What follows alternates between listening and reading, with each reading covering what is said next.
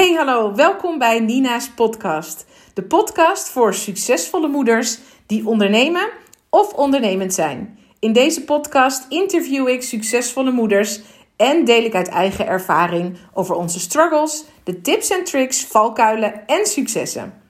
Mijn naam is Nina Zwaargeman, ondernemer en succesvolle moeder van drie en daarnaast vier bonuskids. Dus de struggles die horen bij het combineren, het balanceren en al die ballen hoog houden zijn voor mij niet onbekend. Veel plezier bij het luisteren van Nina's podcast. Oh yes! De titel van deze allereerste episode, van deze allereerste aflevering van Nina's podcast. Wellicht hoor, wellicht hoor je de, het enthousiasme in mijn stem. Uh, want het is voor mij zo tof om nu in dit format deze podcast te starten. Wanneer je mij al langer volgt of al langer kent, uh, weet je dat ik in de afgelopen jaren meerdere keren verschillende afleveringen of episodes heb, heb opgenomen van een podcast. Omdat ik het ontzettend tof vind om inspiratie te delen, om kennis te delen, om überhaupt elkaar te kunnen versterken. En ergens was het denk ik nog niet helemaal in de juiste vorm. Of was het nog niet helemaal compleet of af. En nu heb ik dat gevoel wel. Want naast uit eigen ervaring interview ik regelmatig succesvolle moeders die ondernemen of ondernemend zijn. En dan vooral over het combineren, het balanceren en ja, het woord balanceren komt uit mijn mond. Wanneer je mij langer volgt, weet je dat ik een, nou ja, lichtelijke kriebel krijg van het woord balans. Omdat ik niet geloof dat balans bestaat. Dus daarom zeg ik ook balanceren. Als je aandacht geeft aan het een, is er geen aandacht voor het ander. En als moeder en ondernemer denk ik dat wij allemaal heel goed weten dat dat woord balans of het woord balanceren, dat combineren van al die ballen die we hoog hebben te houden, dat dat een uitdaging is. Dus hoe mooi is het als je kunt luisteren naar deze podcast en de ervaring hoort van alle andere succesvolle moeders. En hoe zij dat hebben gedaan. En wellicht haal je er ontzettend veel inspiratie uit. Of hoor je in een podcastaflevering één tip waarvan je denkt: yes, daar kan ik iets mee. Dan is voor mij deze podcast geslaagd. Dus ik heb de podcast in deze format uh, gestart. Omdat ik steeds opnieuw weer merk. Wanneer ik in gesprek ga met andere moeders die ondernemen.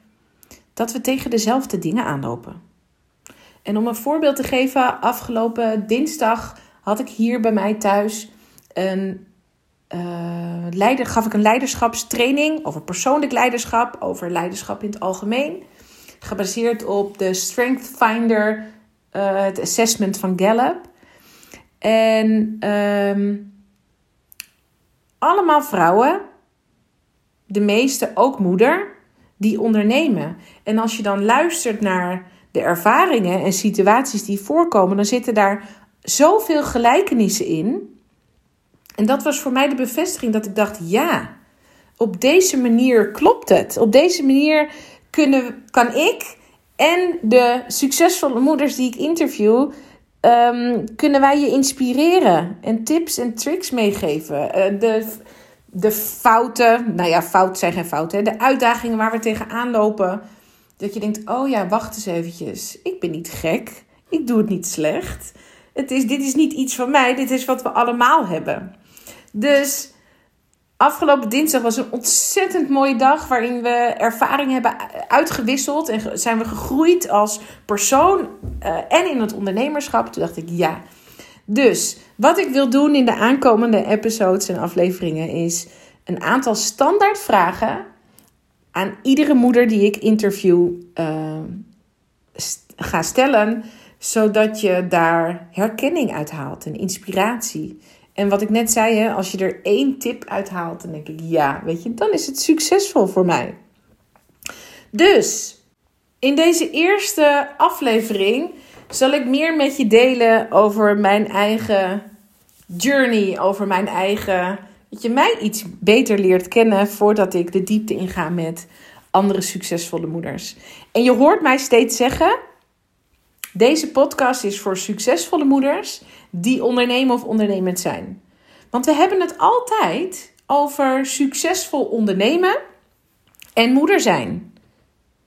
En ik realiseer mij dat wij succesvolle moeders zijn en dat we daarnaast succesvol ondernemen. Wat dat voor jou dan ook mag betekenen. Hè? Maar dat wij succesvolle moeders zijn, staat natuurlijk als een pijl boven water. Ik ben trouwens altijd heel slecht met gezegden en spreekwoorden. Dus het kan best zijn dat hij net iets anders hoort dan dat ik hem uitspreek. Maar goed, dat maakt helemaal niet uit.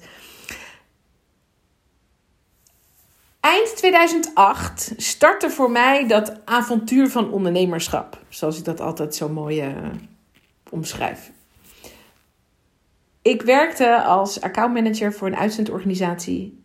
En ik realiseerde mij: hey, dit is niet iets wat ik voor een ander wil doen. Ik wil heel graag mijn eigen dromen naleven en mijn eigen, op mijn eigen manier een bedrijf runnen. Zo gezegd, zo gedaan. Ik had toch geen kinderen. Ehm, maar ik realiseerde mij wel, dit is een manier. Ondernemen is voor mij de manier om een gevoel van vrijheid te creëren. En mijn leven in te richten zoals ik dat heel graag voor ogen zie. En zoals ik dat graag wil leven. In 2012 werd ik voor de eerste keer moeder van Finn. Finn is inmiddels 9. In 2013 werd ik voor de tweede keer moeder van Den, mijn tweede zoon. En in 2016 werd ik moeder van Mia, een dochter.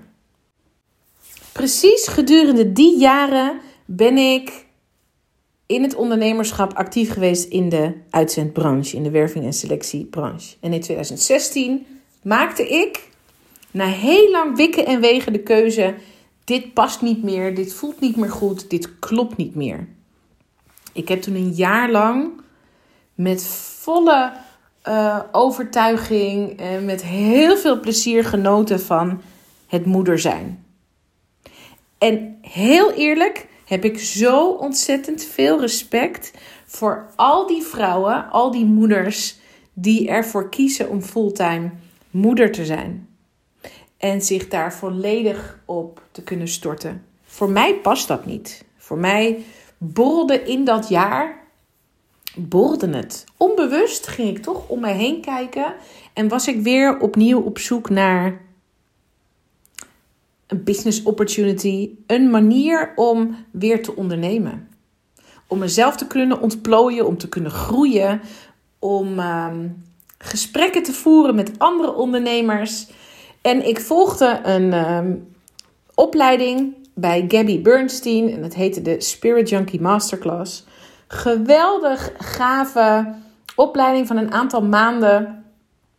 En in die masterclass was een gastdocent. Elena Brouwer, een Amerikaanse yoga-docente, die meer deelde over verschillende stromen van inkomsten. En toen noemde zij doTERRA. En doTERRA betekent gift of the earth, dus gift van de aarde. En daar werd ik door geraakt. Want ik dacht, ik hoorde haar praten en spreken over verschillende inkomensstromen en een passieve vorm van inkomsten. Ik kom daar vast later in een latere podcast nog op terug. Dus zij had het over business inkomen en tegelijkertijd gift of the earth en gift van de aarde. En daar werd ik door geraakt.